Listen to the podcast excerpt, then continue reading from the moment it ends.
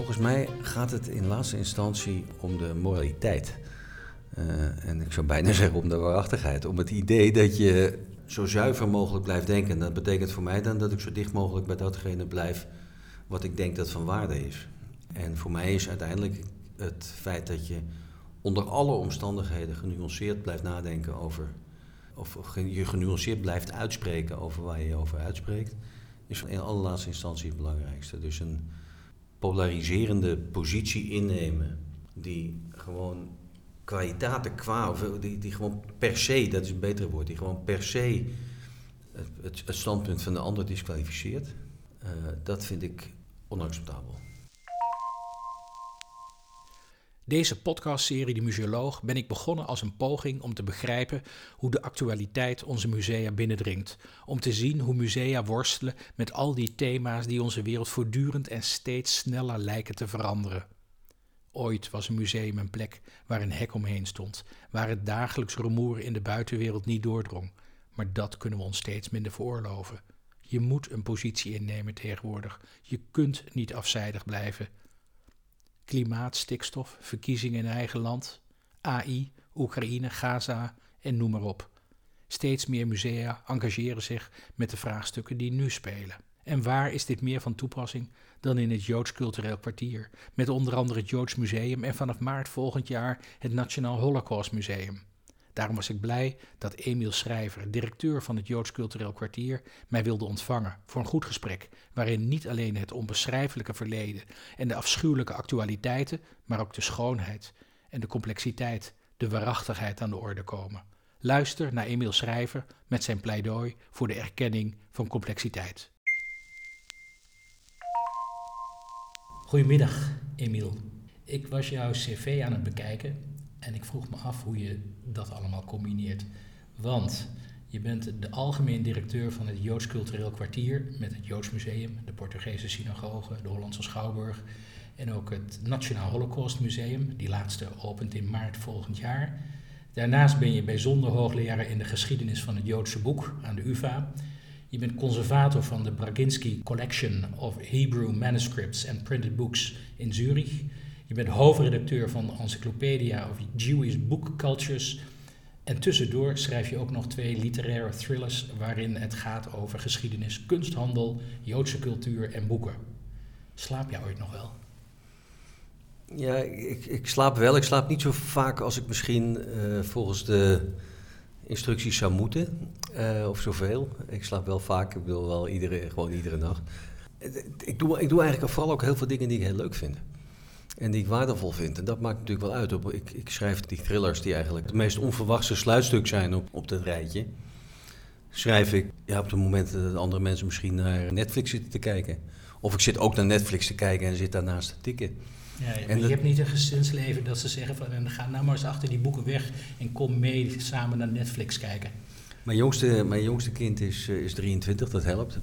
Van vijf, dus dat, dat, dat gaat tot 35. Ik heb bij mijn boekpresentatie mijn vrouw geciteerd. Ik zit meestal achter in de tuin te tikken in de zomer of in een uh, luie stoel te tikken als ik, uh, als ik beneden zit. En ik heb dan het idee dat ik enorm uh, deel uitmaak van het gezinsleven. Dan kijken andere televisie en ik zit met die laptop te tikken.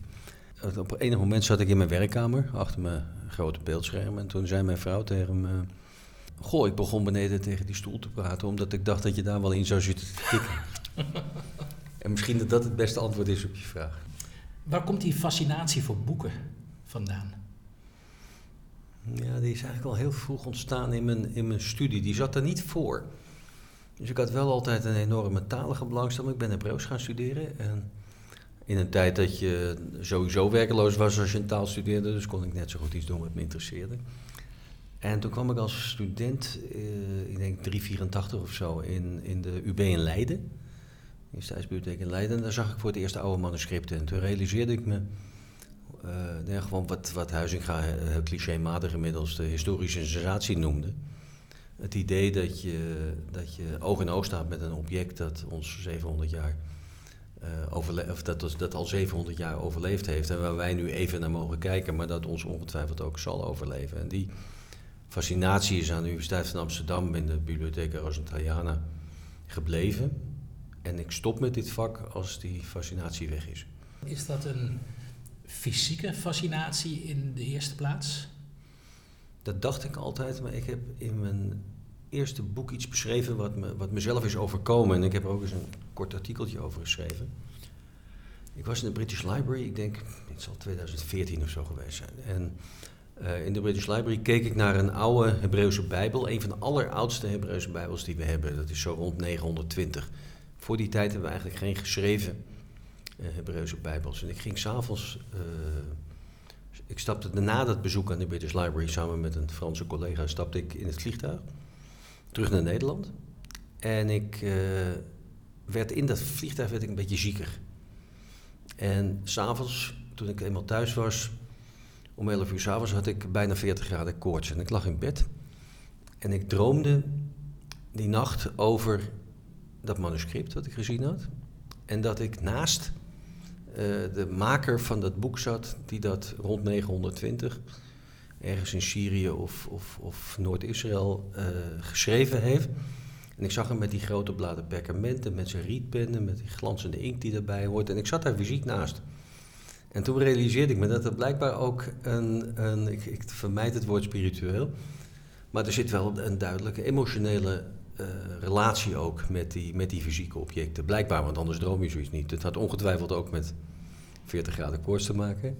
Maar het liet voor mijzelf wel zien dat ik wel meer dan gemiddeld uh, gefascineerd ben door het directe contact met de geschiedenis. Het klinkt een beetje als het uh, begin van een nieuwe thriller. Zou zomaar kunnen. Zou zomaar kunnen. Het zit ook wel, zeker in het tweede boek, zit die, zit die materialiteit van oude boeken, die zit er heel sterk in. In het eerste boek gaat het eigenlijk ook vooral over de, uh, wel leuk om het woord bij jou te gebruiken, over de waarachtigheid van de, van de overlevering, van de, van de mondelinge overlevering en de schriftelijke overlevering uh, in het Jodendom. Dus ja, het, het, het, is wel iets wat heel dicht zit bij wat ik echt de moeite waard vind. Het heeft natuurlijk heel veel te maken met die relatie tussen die vorm en die, uh, en, en die inhoud. Maar is de inhoud wel interessant nog als de vorm niet ook heel erg mooi is?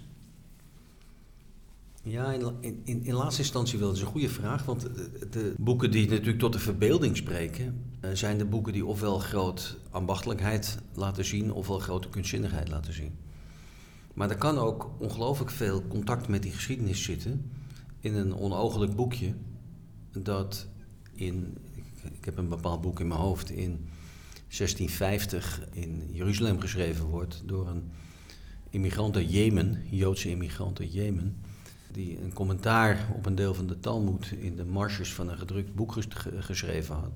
Geen geld had voor papier en die van een rijke buurman een stapel papier kreeg om dat boek boven te schrijven. En hij schrijft dat hij dat boek, al die aantekeningen die hij in die marges gezet heeft, dat hij die in dit exemplaar, wat er op dat moment voor mijn neus ligt, heeft overgeschreven. Dan is dat niet iets wat er mooi uitziet. Het is niet iets wat per se ook een enorme ambachtelijkheid laat zien. Maar het is wel iets wat ook iets te vertellen heeft over de mensen die dat blijkbaar zo belangrijk vinden dat ze daar. Weer die historische sensatie. sensatie dus. letterlijk. Ja. letterlijk. Emiel, je bent directeur van het Joods Museum. Je hebt een Joodse achtergrond. En in al je pennenvluchten, en voor zover ik kan zien in, alle, in de andere werkzaamheden, komt de Joodse identiteit sterk naar voren. Is dat altijd een bewuste keuze van je geweest? Ja, dat is een interessante vraag. Ik heb wel eens een stukje geschreven toen ik deze baan net had. Ik doe het nu een dikke acht jaar. Uh, of je door je baan Joodser kunt worden. Als je nu een lijstje gaat maken van, van tien stemmen van Joods Nederland, dan is de waarschijnlijkheid dat ik op dat lijstje eh, sta uh, vrij groot. En dat is een rol waarin ik me op mijn gemak voel. Het is tegelijkertijd ook misschien wel datgene waar ik voordat ik directeur van dit museum werd, het minst mee gerekend had. Dus ik had me had je, had je dat niet bedacht? Had je dat over het hoofd gezien? Over het hoofd gezien. De mate, of niet bedacht, de mate van, van zichtbaarheid van deze positie. Kijk, ik was al hoogleraar. En de hoogleraar heeft een bepaalde positie in de, in de maatschappelijke ruimte. Wat dat ook maar is, die, kan, die is veel kleiner dan die van de museumdirecteur blijkt. Maar uh, het feit dat je eh, een stem hebt in de publieke ruimte en een stem die wijder draagt, verder draagt dan alleen maar de producten die je met je hele team als museum maakt. Dat je ook in, als ik vroeger boos was en dan schreef ik een boze brief naar een krant. En dan kreeg ik net als iedereen een briefje van als u na drie dagen niks hoort, dan, uh, kunt, u het vergeten. dan kunt u het vergeten. En nu, nu bel ik met de redactie en dan staat het er bij wijze van spreken de volgende ochtend in. Dat heeft, zo bescheiden ben ik wel, niet alleen te maken met de kwaliteit van mijn opinie.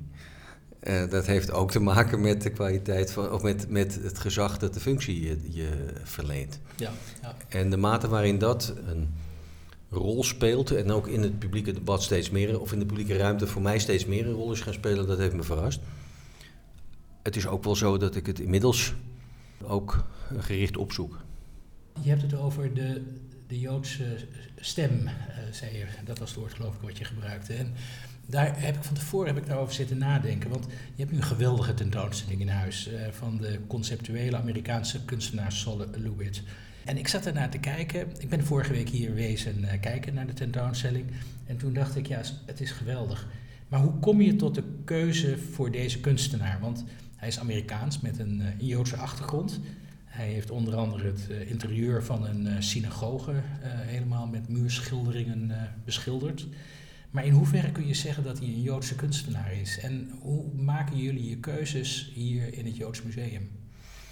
Ja, het, is, het is een moeilijke keuze. Wat, we, wat in dit geval voor ons doorslaggevend geweest is, denk ik, is het feit dat deze man in dat Solowit in, in, in Nederland eigenlijk belangrijk was. Zeker en, en ook in de ontwikkeling van zijn type kunst natuurlijk echt, echt heel belangrijk was. Maar dat het, de mate waarin hij in een deel van zijn werk in ieder geval zich wel degelijk ook als Joods identificeerde onderbelicht was.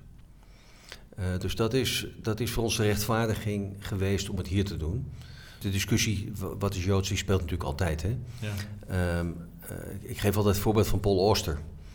Een, een, schrijver die ik bewonder, een Amerikaanse Joodse schrijver die ik bewonder, die in zijn eerste 15 boeken niets met Jodendom te maken leek te hebben. En die dan ineens achter elkaar drie boeken schrijft waarin het enorm gaat over zijn jeugd, over zijn achtergrond, over wie die is. Zijn, die boeken, zijn dat dan ineens Joodse boeken en de boeken daarvoor niet? Dat is natuurlijk heel moeilijk. Hoe komt dat? Is dat iets wat de samenleving ook veroorzaakt? Nee, ik denk dat dat te maken heeft met het feit dat het label uh, Joods zo diffuus is. Dus uh, is, is, iemand Joods omdat hij de religie aanhangt? Is iemand Joods omdat, hij, omdat zijn ouders Joods zijn? Is iemand Joods omdat alleen zijn moeder Joods is? Is iemand Joods uh, ondanks het feit dat alleen zijn vader Joods is? Is iemand Joods uh, omdat hij zich met de groep identificeert? En, en in welke mate heeft dat invloed op dat kunstenaarschap? Dat is natuurlijk een hele interessante, hele interessante vraag. Er zijn mensen die beweren dat het in veel van de grote Amerikaanse naoorlogse kunstenaars, uh, Barnett Newman is er misschien wel de, de, de, de, belangrijkste, te weinig aandacht is geweest in de receptie in de kunstwereld uh, van het feit dat hij ook gewoon zich door zijn Joodse achtergrond heeft laten inspireren. Uh, Jozef Semach, de, de, Israëlische kunstenaar die hier in Nederland heel lang werkt, die, die, die verwijst bij een deel van de abstracte kunst van Barnett Newman direct naar, naar het gebedskleed en de mate waarin hij zich daarmee uh, geïdentificeerd zou hebben. Nou, dat, dat is een punt van discussie, maar het is wel een interessant perspectief ja. uh, op die kunstenaars. Dus voor ons is dat, uh, in principe is dat voldoende aanleiding om zo'n kunstenaar te, te laten zien. Ja, en voor de rest is het natuurlijk ook zo dat we gewoon mooie tentoonstellingen willen maken. Ik ga daar niet plat over doen, of niet, niet geleerd over doen. Uh, ja, nou, dat is gelukt. Ja, dus dat is, uh, weet je, en dat, is, ja, dat vind ik eigenlijk zelf ook. En het is ook een tentoonstelling die voor ons ook wel een interessant experiment is, omdat we. Uh, het is natuurlijk echt wat anders dan de, dan de traditionele cultuurhistorische tentoonstellingen die mensen misschien hier eerder zouden verwachten. En het is ook een, dat is misschien het tweede deel van het antwoord, het is ook een keuze voor een potentieel ander publiek. En heb je het gevoel dat dat lukt? Ja, want de mensen die hier komen zijn heel veel mensen die voor Lewit komen, die hier niet per se regular zijn, zou ik maar zeggen, de reguliere bezoekers zijn. Uh, aan de andere kant is het wel zo dat ik denk dat we aan de bezoekers, dat we, we hebben wel last van het feit dat er een crisis in de wereld aan de gang is op dit moment. En dat die uh, kwestie met Israël, die heeft wel effect op ons. Uh, ik denk wel dat die effect heeft op onze bezoekcijfers. Dus dat heeft niet In het negatieve aantal. zin? Ja, negatieve zin. Ja. Ik denk dat veel mensen zijn, dat weten we ook. Er zijn ook groepen die zich afvragen, moeten we nu wel komen? En het is voor... voor Oh, dat is een, een, een, een eh, gevolg wat ik niet had kunnen denken. Of heeft het ermee te maken dat mensen even niet met die complexe geschiedenis zich willen bezighouden? denken dat ze hier in een context terecht gaan komen waarin ze zich met die complexe geschiedenis moeten gaan bezighouden. Terwijl ik denk dat datgene wat je als museum nu juist kan bieden, ook een tegenwicht zou kunnen zijn tegen die complexe geschiedenis. Ik heb een stukje, een soort kerstwens voor het Financieel Dagblad net geschreven. Dat, eh, nou ja, dat verschijnt natuurlijk met kerst. Eh, waarin ik zeg, je, je zou ook moeten hopen en, en moeten wensen dat eh, het binnenlaten van schoonheid, misschien juist in deze tijd, ook wat ruimte geeft in je systeem. Een woord wat jij ook gebruikt. eh, wat ruimte geeft in je, in je systeem om, ja, om eens wat mildheid toe te laten. En misschien ook eens wat nuance toe te laten. En misschien is niet meteen iets te vinden. Ik merk aan de bezoekers van deze tentoonstelling dat precies die schoonheidservaring ze goed doet. En dat geldt voor de Joodse en dat geldt voor de niet-Joodse bezoeker. Maar het is, het is lastig. Het heeft ook te maken met het feit dat we. Dit is een tentoonstelling die zich ook op een jong publiek richt. Ja. Eh, De, de mate waarin het conflict in het Midden-Oosten als problematisch wordt ervaren, dat is onder jongeren nog groter dan onder de traditionele museumbezoeker. Terwijl onze campagnes eh, in, de, in eerste instantie ook deels op jongeren gericht waren. Ja, dus ik vind het heel moeilijk om nu precies in te... Dat is eigenlijk als antwoord op je vraag. Denk je dat het, dat het gelukt is? In Du- Duitsland zou je zeggen... Je hebt in Enschede gewerkt. In Duitsland zou je zeggen jijn. Ja nee. Eh, ja, ik denk het wel, want wat we wilden, dat is ons gelukt. Nee, ik weet nog niet zeker of we de grote stromen publiek naar binnen gehaald hebben... die we hiermee naar binnen zouden moeten kunnen halen. Hoe, hoe kijk jij aan tegen die tendens van nogal wat musea die we de laatste jaren eh, en zeker de laatste twee jaar heel sterk zien om steeds eh, geëngageerder en misschien zelfs wel activistisch eh, te worden? Ik denk dat het per, per museum heel erg verschilt hoe ver je daarin zou moeten willen gaan. Dus ik denk dat, dat een aantal instituten, het Rijksmuseum, misschien nog een aantal andere, andere, andere grote musea, niet de plekken zijn waar je per se eh, activistisch zou moeten zijn. Ik denk dat een museum als het Amsterdam Museum er heel erg voor gekozen heeft om op een risicovolle manier de stad binnen te laten en de discussies die in de stad gevoerd worden binnen te laten. Ik denk dat ze dat ook behoorlijk afgewogen doen. Eh, maar dat, die, ja, die, gaan, die, die nemen absoluut meer Maar risico wat, zijn dan de, vele wat, zijn anderen. de, wat zijn de factoren eh, voor een museum om eh, risico's te nemen? Jij zegt dat een museum als het Rijksmuseum, hè, een museum voor alle Nederlanders, eh, misschien wat minder risico's zou moeten nemen dan dat het Amsterdam Museum Ja. zich veroorlooft. Dat doen ze ook, hè, trouwens. Het Rijksmuseum neemt ook minder risico. Dus dat is, dat, ja, maar ze hebben ja. wel een museum of een tentoonstelling over slavernij gehad, over het eh, Indonesisch verleden. Ja, Dus maar dat heeft dan dus ook een hele andere impact. Dat is de lol ervan. Eh, Ik, ik vind het de allergrootste winst van de slavernijtentoonstelling... is het feit dat er in het Rijksmuseum een slavernijtentoonstelling was. Dat is een, een, een erkenning van het nationale belang van die slavernij. Je, zou dat ook indirect activisme kunnen noemen. En dus de, door te programmeren... eh, maar je, je, je benoemt dat zelf ook in je boek, hè, de, de neutraliteit van, er bestaat niet zoiets als een neutrale positie van een museum. Dus in je programmering blijkt, en uit de keuzes om dingen wel en niet te doen, blijkt een, een mate van sociale betrokkenheid. Voor mij was in die, in die slavernijtentoonstelling en eigenlijk ook in die Indonesische tentoonstelling uiteindelijk het feit dat die daar gemaakt werd doorslaggevend. Terwijl het Amsterdam Museum geeft, geeft op een hele andere manier, ja, ik haat het Engelse woord, agency, dus een, een, de, de, de ruimte geven aan anderen om een stem te laten horen. Ja. Dus de- daar, is, daar is uiteindelijk minder sprake van, van, van regie, van vormgeving en het is een minder eh, gecureerde interventie, als je het zo zou willen, als je dat zo Ja. zou willen benoemen. En dat is, dat is denk ik het verschil. En daarmee neem je meer risico. Hoe staan jullie daarin? Ja, wij hebben natuurlijk de afgelopen jaren eigenlijk te beginnen, ik denk het, een aantal jaren, laten we zeggen, in de loop der jaren zijn er wel tentoonstellingen geweest die, uh, laten we zeggen, met, met de, over de positie van de Joden in de maatschappij uh, gingen. Die waren eigenlijk tot en met 2017, 18 eigenlijk nog vrij speels. Speels? Nou ja, we hebben toch niet een uh, altijd speels onderwerp is geweest. nee, maar het is misschien wel een bewuste keuze om het licht te houden.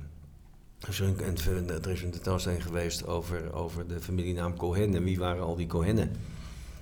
Um, er zijn tentoonstellingen geweest van alle mogelijke portretten van Joodse figuren die je dan ineens als Jood identificeert ook.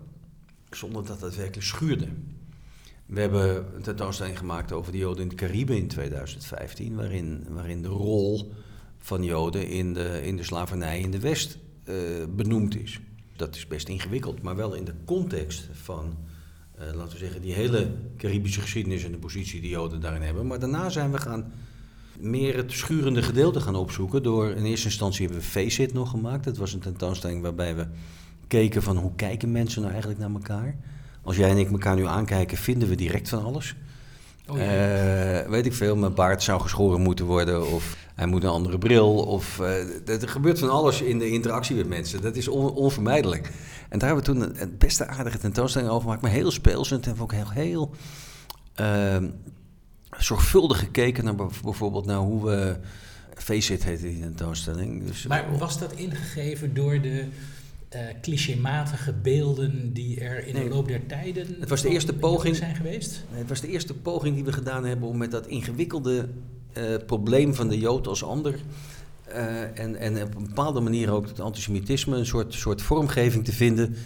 Waarin we ook een beetje de schurende kanten van dat debat zouden maar kunnen opzoeken. nog veel speels. Ja, dat, maar zo was het toen ook bedoeld, want het durfde niet meer. Ja. En in, de, in, in 2020, denk ik, 20, ja, 20 denk ik, hebben we een tentoonstelling, een hele kleine tentoonstelling gemaakt, Zijn Joden Wit. 21 was het, Zijn Joden Wit, midden in de coronatijd. En die ging, over, die ging echt over het maatschappelijke uh, vraagstuk van hoe is het mogelijk dat in de intersectionaliteitsdiscussie, de solidariteit tussen alle mogelijke minderheden, het erop lijkt dat er voor antisemitisme geen plek is. Hoe is het mogelijk dat, dat je, uh, en dat speelde in de, in de tijd van Black Lives Matter vooral, maar ook hoe is het mogelijk dat je in de Dijksmars en LHBTQ-mars in, in Chicago Joodse demonstranten niet mogen meelopen met een regenboogvlag omdat daar een Davidster op, op stond. En ze zich door die Davidster uh, blijk, blijkbaar volgens de organisatoren verbonden voelden met Israël en daar zich niet van, van wensen te distancieren. Ja, dat is de situatie waarin we nu nog steeds zitten.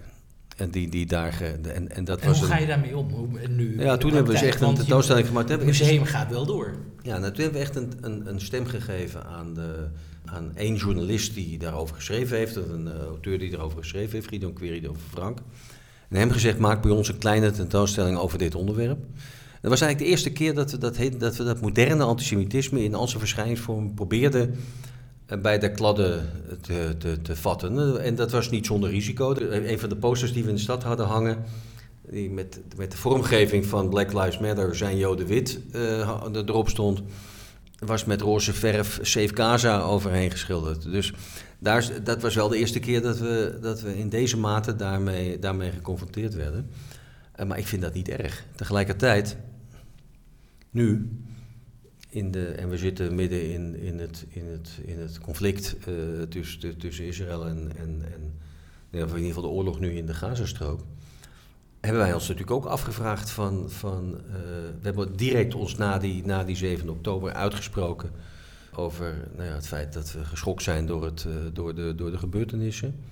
Maar daarna hebben we geen statement meer uitgebracht. En we concentreren ons nu in januari, februari op een programma waarin we verschillende stemmen laten horen en verschillende perspectieven laten horen. En een omgeving bieden om, om gesprekken te voeren over dit conflict. Dus de, we, we zijn maar laat, laat je dan uh, aan dus de ene kant de, de stemmen horen over de verschrikkelijkheid van dat wat Hamas uh, heeft gedaan uh, begin oktober. Um, en tegelijkertijd ook um, ja, het commentaar wat we met z'n allen kunnen hebben op dat wat de Israëlische ja. regering op dit moment aan het doen is. Ja, het gaat voor mij heel erg over het feit dat het allebei mag bestaan. Ja. Maar wel vanuit, ook vanuit de overtuiging dat wij natuurlijk, ja, we zijn wel wie we zijn. Een van de dingen die we, die we plannen is een, een, een, een gesprek, een gemodereerd gesprek tussen iemand die het Joodse historische gedeelte uh, afdekt, dus het Joodse, de, de, Joodse perceptie van wat er, Israëlische perceptie van wat er aan de gang is, en een Palestijnse historicus bijvoorbeeld. Dat, dat wel. Iemand die gewoon familie in Gaza heeft en die zich enorme zorgen maakt om het feit of die familie überhaupt nog in leven is. We vinden het ook van groot belang dat we daarin al die stemmen laten horen. Maar dat, we willen dat op een goede, weloverwogen manier doen. En daarmee is het wat mij betreft eigenlijk niet activistisch. Wat is je doel ermee? Ik denk dat musea een ruimte kunnen bieden waarin er op een geïnformeerde en ook georganiseerde manier uh, over dit soort zaken informatie verschaft kan worden en over dit soort conflicten ook, of over de grote dingen die aan de gang zijn, informatie verschaft kan worden en gediscussieerd kan worden. Maar onze primaire rol is die van, van degene die, die, het, die het mogelijk maakt en uh, van het, ja, de, de, de, verschaffer van betrouwbare informatie over het onderwerp. Ik, ik heb de indruk dat veel van de statements die, die, die en eigenlijk vanuit alle culturele instellingen, is helemaal niet alleen maar musea, maar veel van de statements die uitgebracht worden, die worden uitgebracht voor de eigen achterban. Om de eigen achterban tevreden te houden. Ik zie daar, en wij zien daar het nut niet van in. Ik begrijp wel dat ze gedaan worden, maar ik heb niet de indruk. Je ziet daar het nut niet van in. Nou, ik heb niet de indruk dat ze bijdragen aan het vooruithelpen van, de, van, het, van het debat over het onderwerp. Ik denk dat het, de rol die wij hebben veel meer zou moeten zijn dat we inderdaad die, die verschillende perspectieven op dat, uh, op dat conflict de ruimte bieden. De verschillende posities daarin de ruimte bieden. En ook de ruimte bieden om op een, ik noem het toch maar het woord veilig, om op een veilige manier ook die ingewikkelde gesprekken daarover te kunnen voeren. En dat is een rol die volgens mij meer bij een museum past dan een echt uitgesproken activistische rol waarin we, ja, weet ik veel, zouden oproepen tot, tot iets. Uh, wat dan ook. Wat dan ook, of dat dan een staakt het vuur is, of uh, uh, we moeten meer naar dit luisteren, meer naar dat luisteren. Dat, dat, daar, daar zijn wij in allerlaatste instantie, in ieder geval wij als museum met deze identiteit, ja, niet, niet, niet de aangewezen plek voor. We zijn wel de aangewezen plek voor een zorgvuldige discussie over eh, de complexiteit van dit onderwerp. En die zorgvuldigheid die bestaat voor mij uit het ruimte laten voor het naast elkaar bestaan van verschillende perspectieven, zonder dat die elkaar uitsluiten. Een debat wordt gevoerd door verschillende partijen die vanuit verschillende perspectieven redeneren en de plek van het museum is de plek om die meningen uh, aan elkaar uh, te confronteren, te toetsen. En om te zorgen dat die discussies niet uit de hand lopen, maar dat die discussies uiteindelijk leiden tot beter inzicht. Ja. En als dat lukt, dan, uh, dan hebben we het goed gedaan. In een interview met Folia haalde je Barack Obama aan, die zich uh, uitsprak in dat interview, of in het gesprek, over het Israëlisch-Palestijnse conflict. En hij, uh, je haalde daar de uitspraak aan, the admission of complexity. De erkenning van de complexiteit, heb ik het maar vertaald.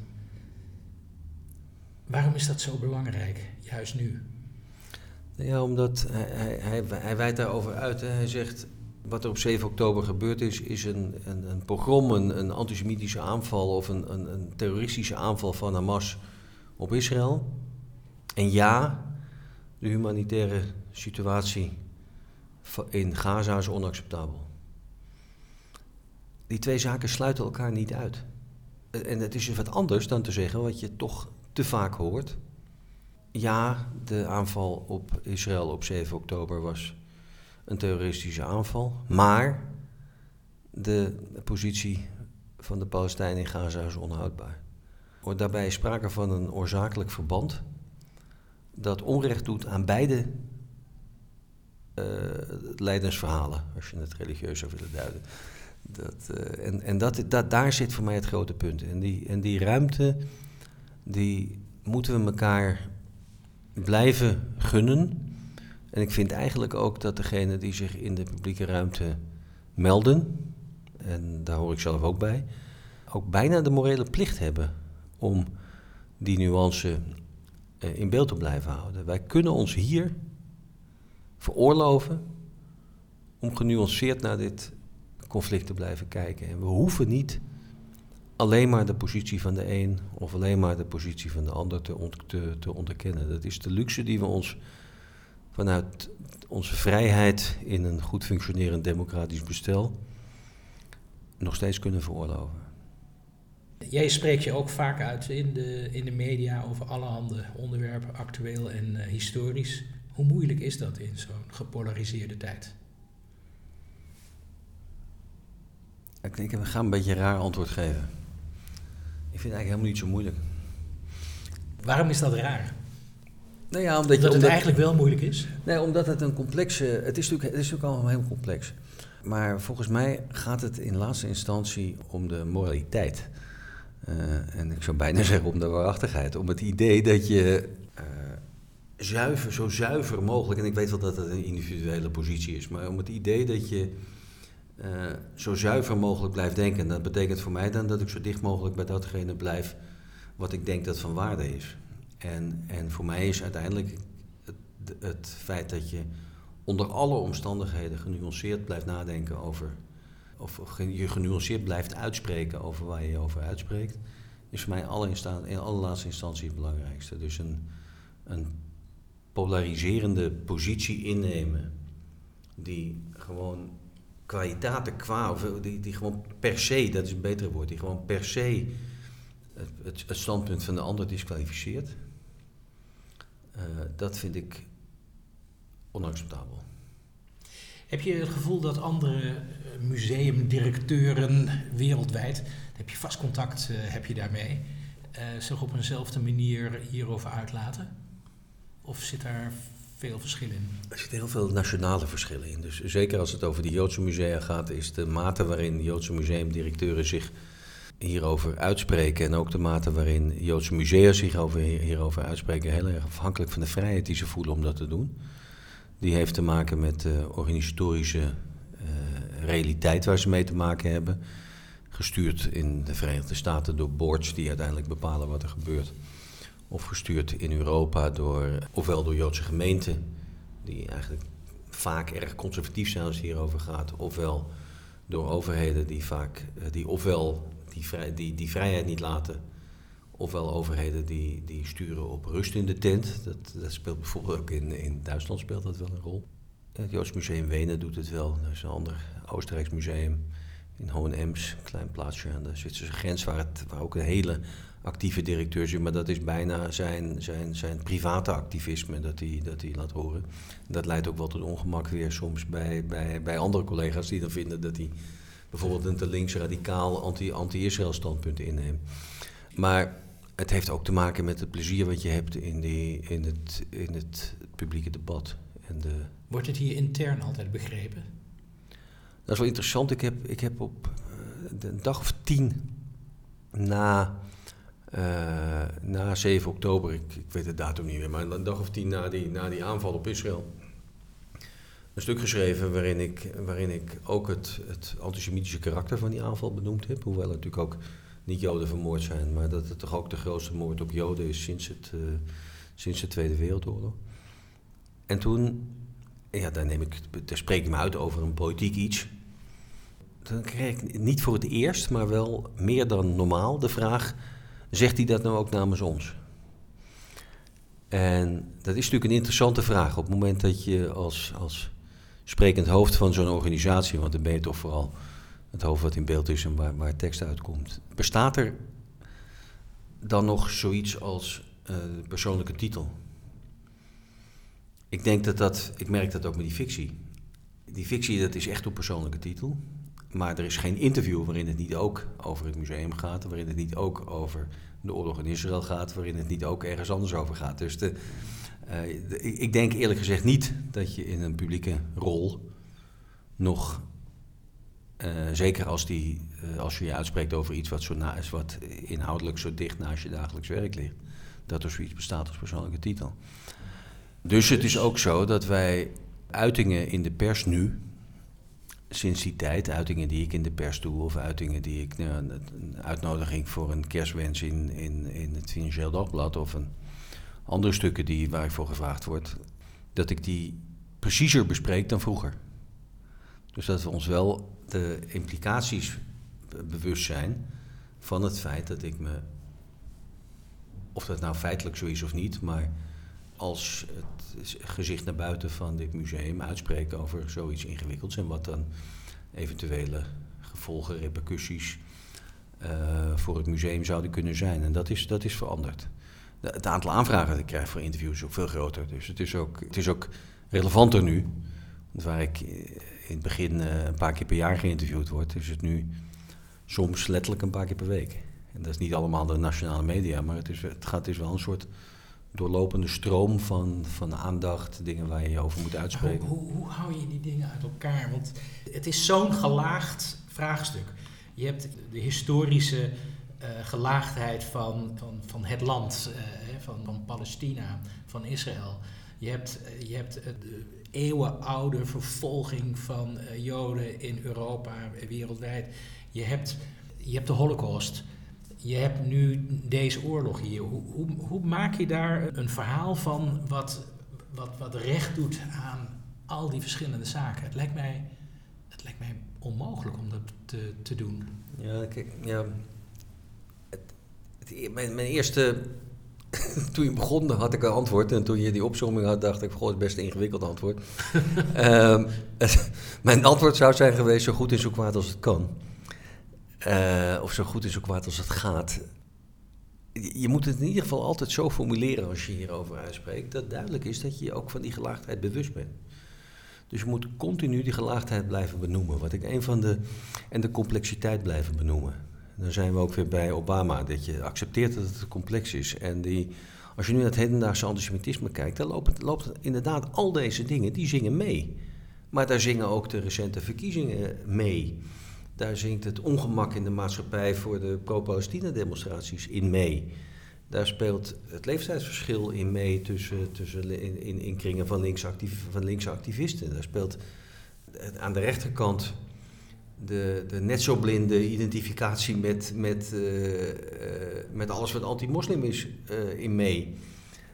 daar speelt het oude, oude Europese antisemitisme in mee. Dit is allemaal, maar aan ons, wie dat dan ook maar precies zijn, de taak om dat zo goed mogelijk uit elkaar te houden. Maar je kan dat natuurlijk in laatste instantie alleen maar authentiek doen als jezelf.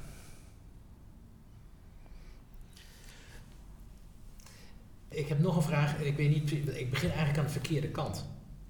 Volgend jaar maart gaat het uh, Nationaal Holocaust Museum gaat, uh, gaat open. En, en eigenlijk had ik bedacht van nou ga ik vragen van ja, wat, hoe begin je met nadenken over de vormgeving en inrichting van een museum dat zo'n ongelofelijke geschiedenis uh, gaat vertellen?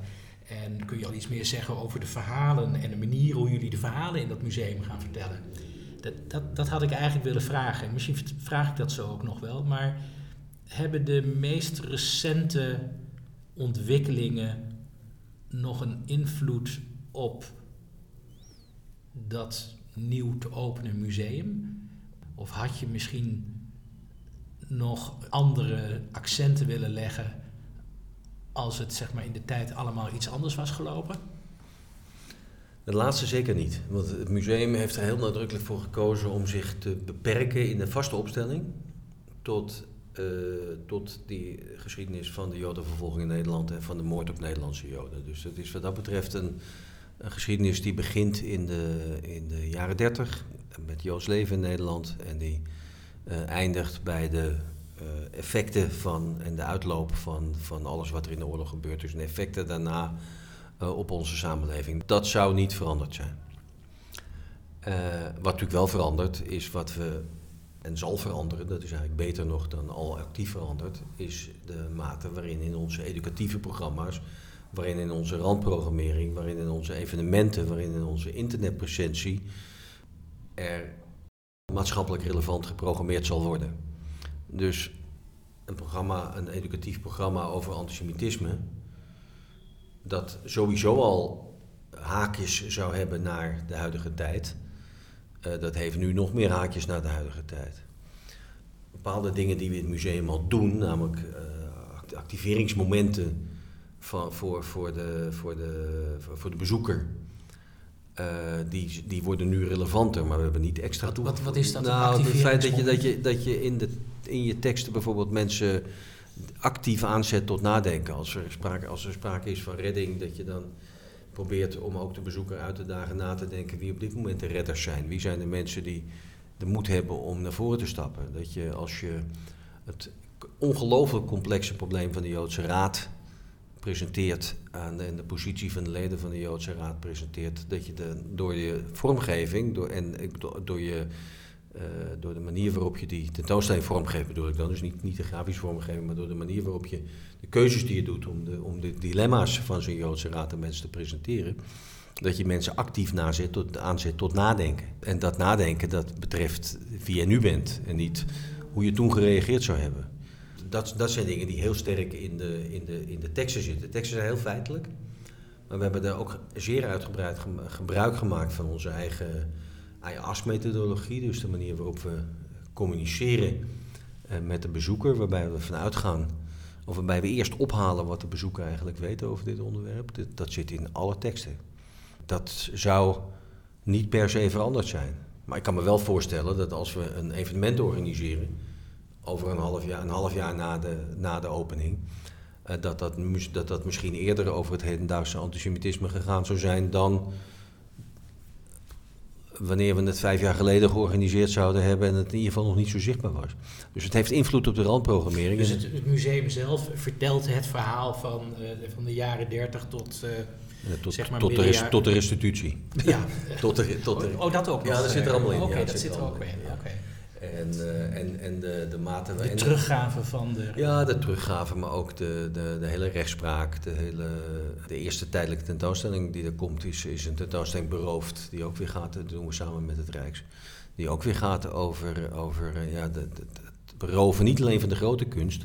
Maar ook van, van, van kleine Joodse objecten, die, die, maar dan ook weer van de impact die dat heeft uh, gehad op de mensen die dat betroffen. Maar het, het, gaat ook over de, ja, de hele psychiatrische kanten van de traumabehandelingen. We zijn ons er helemaal niet van bewust, maar ons hele denken over genocide, over misdaden tegen de, tegen de, tegen de menselijkheid. Dat is allemaal ontstaan als reactie. Uh, de universele verklaring van de rechten van de mens, dat zijn allemaal dingen die zijn ontstaan mede als reactie op wat er in de holocaust gebeurd is. En dat neem je ook mee? Dat neem je mee in, in, in, het, het is echt een heel groot, breed ja. verhaal is het. Het is een klein museum eigenlijk, relatief gezien. Maar het is een, groot verhaal. Het is, ook, het is ook best informatiedicht. Maar we hebben ervoor gekozen om, om licht vorm te geven. En om, uh, dus je, kon, je loopt een licht, letterlijk, letterlijk, licht, letterlijk in de, in de zin van kleur. Als je in de wereld Holocaustmusea bezoekt, dan zijn ze eigenlijk bijna per definitie donker. Ja. Dan loop je een soort antracietgrijze ruimte binnen. Vaak is hij ook nauw. Daar wordt alvast aan je uitgelegd, impliciet, hoe je geacht wordt je te voelen. Want, je, het is, want dit is donker.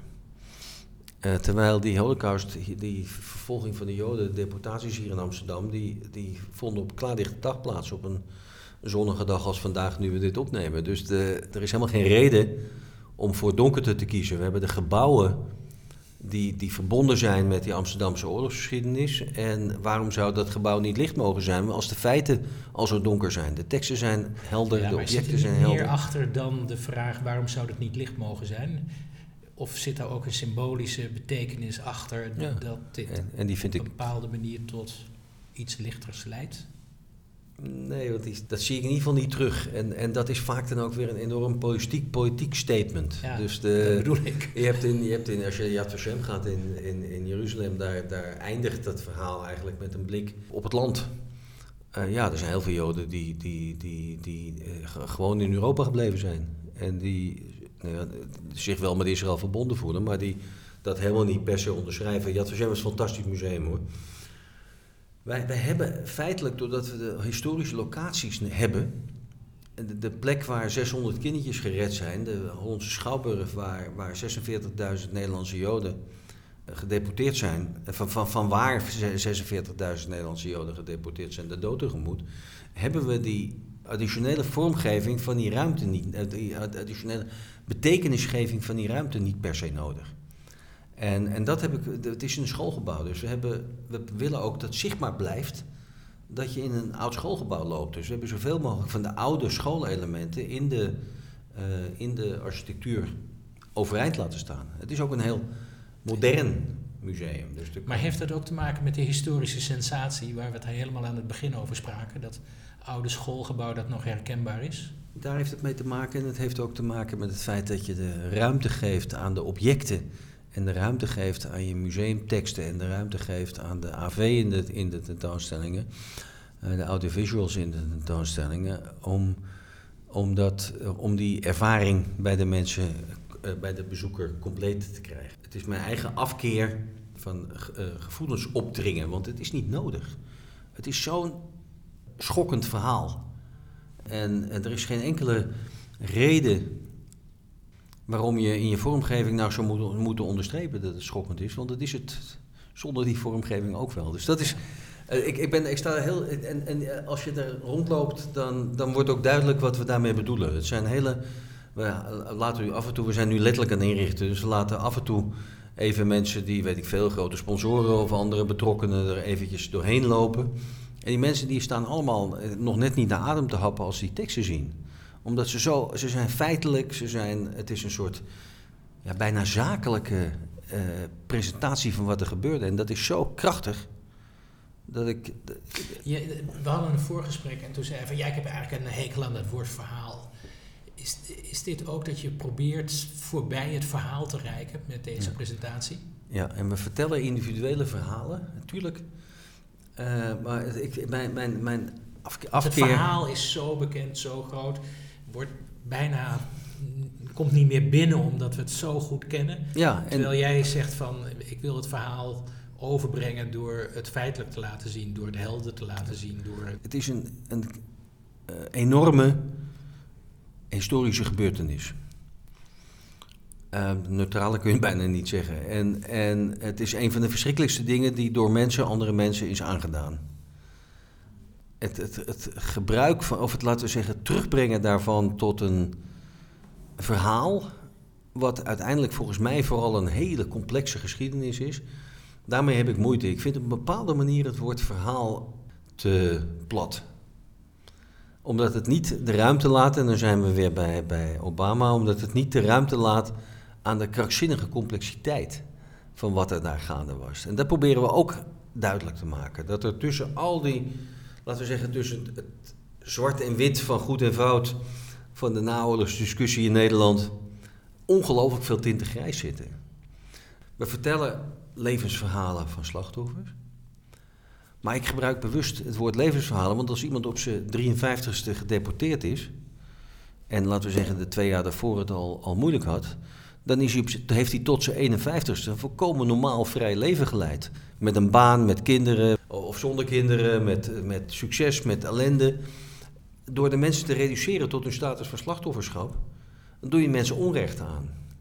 Dus ik ben niet zozeer geïnteresseerd in, in het verhaal van die man dat dan begint op Pietje Puk stapte 23 januari 1942 voor het laatst in vrijheid eh, zijn huis uit en toen was er een, een razzia en toen ging hij dat systeem in. Nee, ik wil weten wie die man was voordat dat allemaal met hem gebeurde.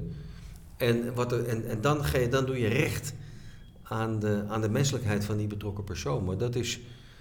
Altijd zoeken naar de complexiteit, altijd zoeken naar de gelaagdheid, naar de, de vele kanten in het geheel. Tegelijkertijd moet ik ook denken aan het uh, boek wat je hebt geschreven. Dat noem je literaire thriller, noem je dat niet zomaar een thriller, maar een literaire thriller. Is dat omdat literatuur die gelaagdheid heeft en een thriller gewoon niet? Er zijn twee antwoorden op. Het, platte antwoord is, dat is ook een term die door de uitgever gehanteerd wordt. Want wat ik leuk vind om te zeggen is, ik, ik heb niet per se enorme literaire ambities met die boeken. Het is, En als ik nou het woord verhaal toch wil gebruiken, dan is het uiteindelijk misschien nog wel meer de behoefte, en dat vind ik met dit soort met fictie ook minder erg, om een verhaal te bedenken.